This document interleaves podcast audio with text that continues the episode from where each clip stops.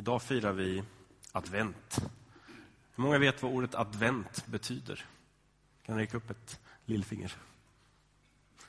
Det betyder ankomst. Och eh, idag ska jag predika en text som eh, handlar om när Jesus besöker eh, ett syskonpar. Jag ska läsa från Lukas 10, vers 38. Har ni en bibel med er så häng gärna med i texten. Medan de var på väg gick Jesus in i en by där en kvinna som hette Marta tog emot honom i sitt hem. Hon hade en syster, Maria, som satte sig vid Herrens fötter och lyssnade till hans ord. Marta däremot var helt upptagen med allt som skulle ställas i ordning och hon gick fram och sa Herre, bryr du dig inte om att min syster har lämnat mig ensam att sköta allting? Säg nu till henne att hon hjälper mig. Herren svarade henne Marta, Marta, du gör dig bekymmer och oroar dig för så mycket, men bara ett är nödvändigt. Maria har valt den goda delen och den ska inte tas ifrån henne. Okej. Bakgrunden, eller vad man ska kalla det, är så här att Marta och Maria och Lazarus, de är tre syskon. Och de bor i en liten by strax utanför Jerusalem. Och jag minns att när jag var i Jerusalem så kunde man gå upp på Olivberget och så går man lite längre bort och så kan man blicka ut, liksom, det är lite upphöjt där då, och så kan man blicka ut över bakom Jerusalem. Liksom. Och då så ser man faktiskt en by där nere. Och jag tror minsann att det är den byn. där bodde de. Så det är liksom gångavstånd, det är inte långt Eh, bort från Jerusalem. Och Jag kan tänka mig att Jesus var där ganska ofta och hälsade på. De, de tyckte om varandra, de här människorna.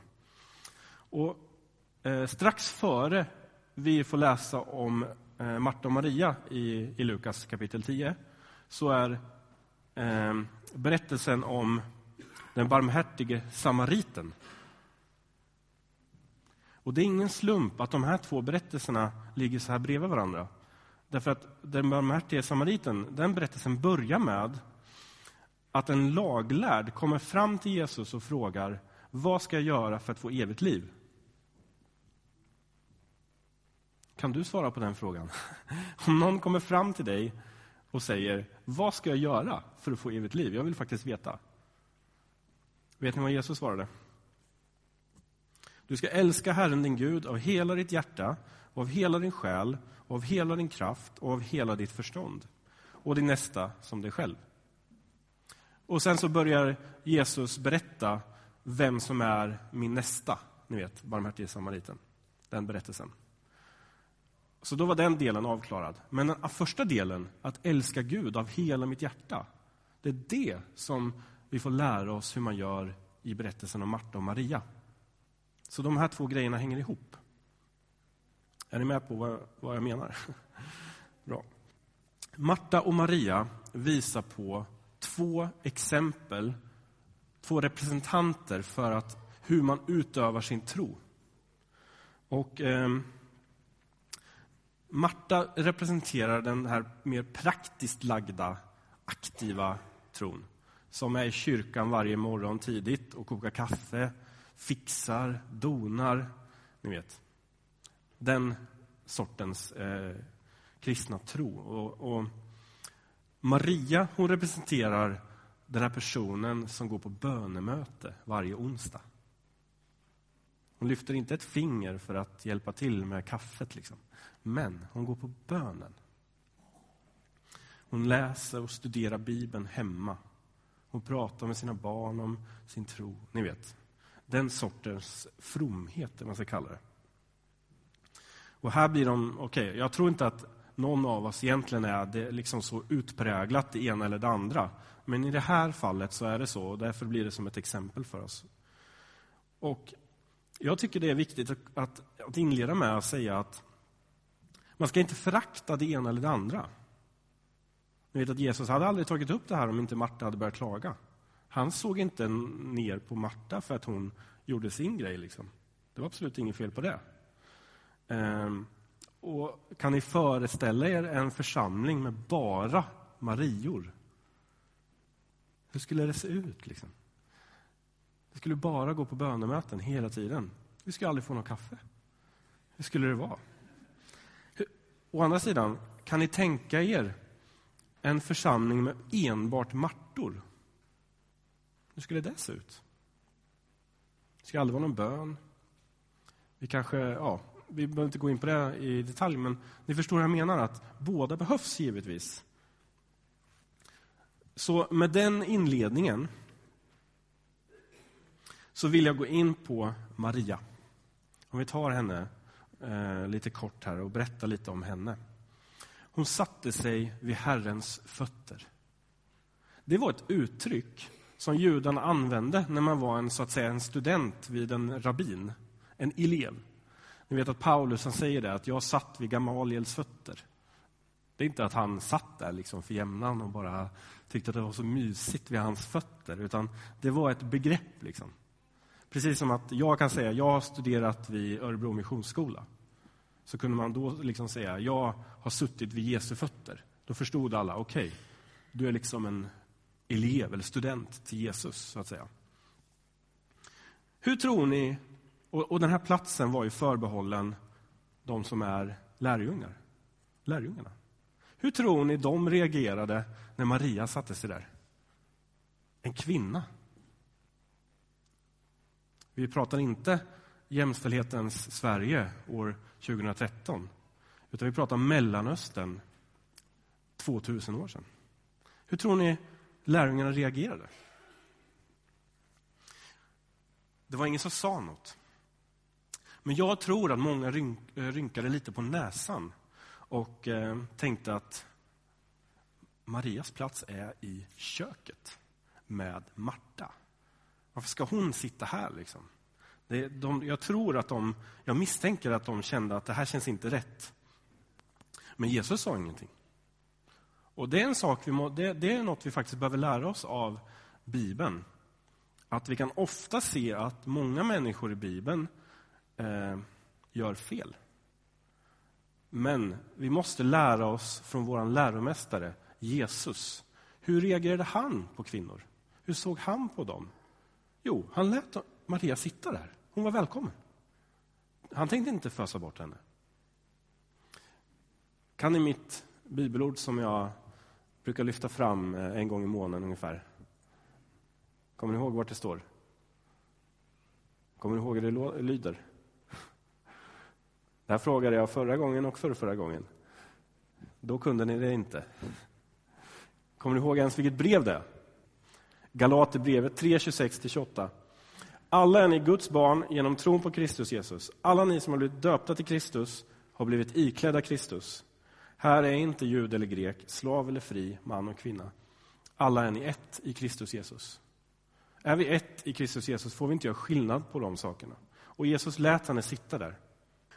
Idag är inte Jesus mitt ibland oss på det liksom, tydliga sätt som han var för 2000 år sedan. Men när man sätter sig vid Jesus fötter idag, det är att börja läsa sin bibel. Det är det som det motsvarar idag. Och Jag skulle vilja säga att när man gör det, det är då lärjungaskapet börjar på riktigt. När man sätter sig med sin bibel, och jag har valt den här texten idag just för att vi hade bibelutdelning. När man sätter sig, en liten tunnare bibel möjligtvis, men när man sätter sig och ska börja läsa för sin egen skull, för att man vill lära sig vad Jesus har att säga till oss idag. Det är då man sätter sig vid Jesus fötter. Det behöver inte vara mer komplicerat än så. Och jag tror, eller jag är helt övertygad om att det är på det här sättet som Jesus vill att vi ska närma oss honom. Det är så vi får ett personligt möte med Jesus. Genom att börja läsa Bibeln, Guds ord, Jesu ord. Eh, om man bara går till kyrkan för att man vill träffa sina vänner, få lite social gemenskap, få lite kaffe och så vidare, och så vidare, så är inte det fel. Men om det är ens enda fokus, då är det något som fattas. Och Jesus säger att det som fattas, det är det enda nödvändiga, till och med. Jag har haft många problem i mitt liv. Det tror jag att du också har. Och jag tror att om vi skulle eh, ha en vittnesbördsgudstjänst eh, någon gång, då tror jag att vi skulle få höra väldigt många berättelser från folk som haft ett problem och så har man bett till Gud. Hur ska detta lösas? Vad, vad är vägen ut ur det här problemet? Och så visar Gud dig och mig ett bibelord eller någonting sånt. Han visar oss en berättelse i Bibeln kanske, eller något exempel från Bibeln. Och så får det sig en lösning, problemet. Det har jag varit med om många gånger. Och jag tror att det är så man ska tolka eh, ditt ord är ett ljus på min stig. När jag går fram så kan jag läsa Bibeln. Okej, kanske inte allt passar in just vid alla tillfällen, men man kan läsa Bibeln och se hur man ska vandra, hur man ska lösa sina problem, hur man ska välja sin livspartner, hur man ska Eh, hantera sina pengar och så vidare. och så vidare. Alla de här sakerna står i Bibeln. Om vi går till nästa person. Marta. Hur skulle du tänka om du fick Jesus på besök? Visst skulle man eh, göra fint i sitt hem? Visst skulle man vilja laga sin favoritmiddag? Knöpfle, som jag brukar laga när jag får besök. Hur många har fått det här, här i kyrkan? Några stycken, va? Ja. När ni kommer på besök hemma hos mig, då får ni knöpfle. Det är en österrikisk rätt som min släkt, eh, som ja, vi har fått äta sedan vi föddes. I alla fall. Ehm, visst vill man liksom när man får så fint besök, man vill göra i ordning och hålla på. Liksom. Och jag tror att eh, Maria och Marta de hade förstått att Jesus är någonting mer än bara den här vännen som besöker oss då och då. Hon, de hade börjat förstå att det här är Messias. Jag tror det. Det framgår inte konkret av texten, men jag tror det. Visst vill man göra fint, liksom. Och Jesus säger inte att det är något fel på det. Men det som är problemet med, med Marta, det är att hon glömmer det enda nödvändiga. Återigen. Och det är ett problem som du och jag måste ta till oss av. Det är ett bekymmer som du och jag måste ta till oss av. Vi måste lyssna på Jesus här. Ofta kan det vara så nämligen att vi är för upptagna med att skotta snö, att eh, läsa tidningen, att ta sovmorgon. Allt möjligt, så att vi glömmer det nödvändigaste. Och det vill Jesus säga till oss. Jag tror att vi är i den här församlingen betydligt fler Martor än Marior. Jag tror att vi behöver lära oss att vi behöver faktiskt ta tid med Jesus. Vi behöver läsa Bibeln. Vi behöver be. Nu ska vi ha, eh, bara ställa en retorisk fråga, du behöver inte räcka upp handen. När läste du Bibeln senast för privat, enskilt bruk? För att du ville lära dig någonting av Jesus? När gjorde du det senast? Om du får dåligt samvete nu, då är den här texten till dig. Då behöver du få höra det här. Och Det är till och med så att Marta hon var så distraherad av allt hon behövde ställa i ordning att hon faktiskt avbröt Jesus när han undervisade sina lärjungar för att klaga på sin syster. Och Det tycker jag också är en intressant eh, motsvarighet idag. Ibland kan vi vara så upptagna med att eh, kritisera andra kristna att vi till och med hindrar Jesus att göra det han vill göra med dem. Det behöver vi också tänka på. Visst, man kan, man kan ha åsikter om andra kristna och så vidare, och så vidare men det finns också en gräns där man känner att okej, okay, jag kanske inte ska lägga mig i liksom, det som Jesus gör nu med den här personen. Jag behöver inte kritisera allt så fort jag får chansen. Det kanske hindrar på något sätt en utveckling som Jesus vill leda den personen igenom. Jag nämnde att jag var eh, i Jerusalem och såg eh, den här byn. Jag var också eh, på saligprisningarnas berg. Ni vet där Jesus höll sin bergspredikan. Det är inget berg. Det är en liten höjd eller en liten kulle. Liksom. Men med, kanske med de eh, mått som de har i, i Israel så kanske det, någon tyckte att det var ett berg. Men ja, för en svensk är det inget berg. Där kan man gå in i en, i en kyrka som de har ställt i ordning för att man ska kunna gå in och ja, minnas vad Jesus gjorde där. Och Då sitter det en nunna vid eh, dörren och vaktar. Hon hade en liten pall. Och man förstår liksom, okej, okay, det här är hennes livsuppgift. Här har hon suttit sen eh, eh Sture föddes, liksom, eller något. Jag vet inte. För väldigt länge har hon suttit där liksom, på sin pall. Och hon var bitter, såg man. Hon var bitter. Alltså. Hon, alla, ni vet, man är turist i, i, Jerus, äh, i Israel och så ska man gå och besöka alla de här olika ställena. Ja, så kommer man dit. Och så råkar någon, en och annan i, i kön där framför oss ha eh, glömt, alltså de hade bara en t-shirt utan, eller de täckte inte axlarna. Åh, oh, vad hon fräste och väste och jag kan se framför mig hur hon slog med någon liten grej, liksom, men det kanske hon inte hade, det är bara en minnesbild jag har. Men hon skrek och det var nog på gränsen att hon svor där. Alltså, över att du får inte gå in hit. Liksom. Det här är en helig plats. Och, så där får man inte se ut här. Liksom. Och så ut med dem liksom, och bråkade och skrek, den här nunnan. Hon var så upptagen med att göra sin uppgift att hon glömt det enda nödvändiga. Hon hade glömt att Jesus är syndarnas vän. Att Jesus, han välkomnar dem att få komma dit. Hon har missat det. Liksom. Hon var så arg och så upptagen med att sköta sin uppgift att hon missade allt runt omkring. Det enda nödvändiga. Lite så är Marta. Kanske, nej, inte riktigt så illa, men eh, ni förstår bilden. I alla fall, eh, Jesus, då svarar han henne så här, Marta, Marta.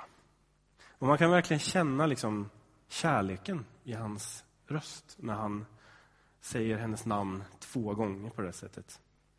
Du gör dig bekymmer och oroar dig för så mycket.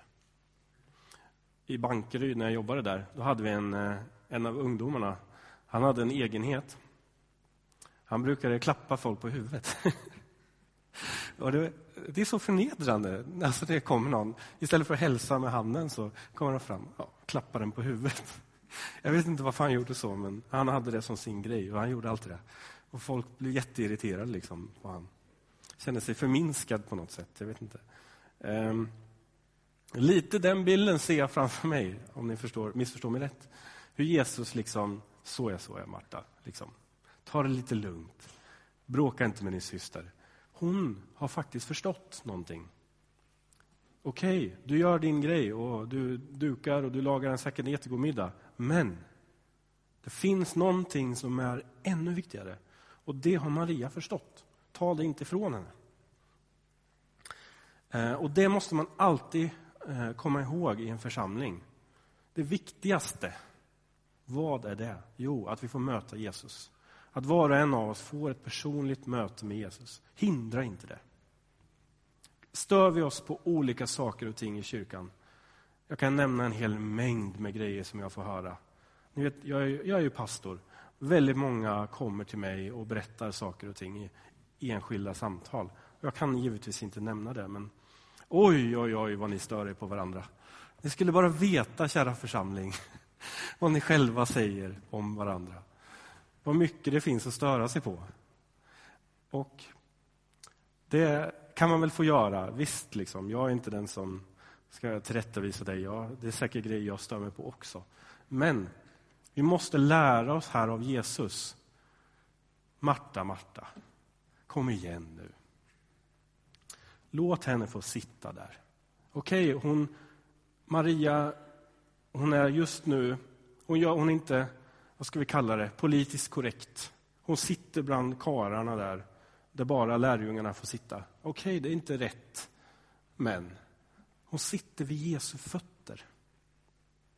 Låt henne få göra det.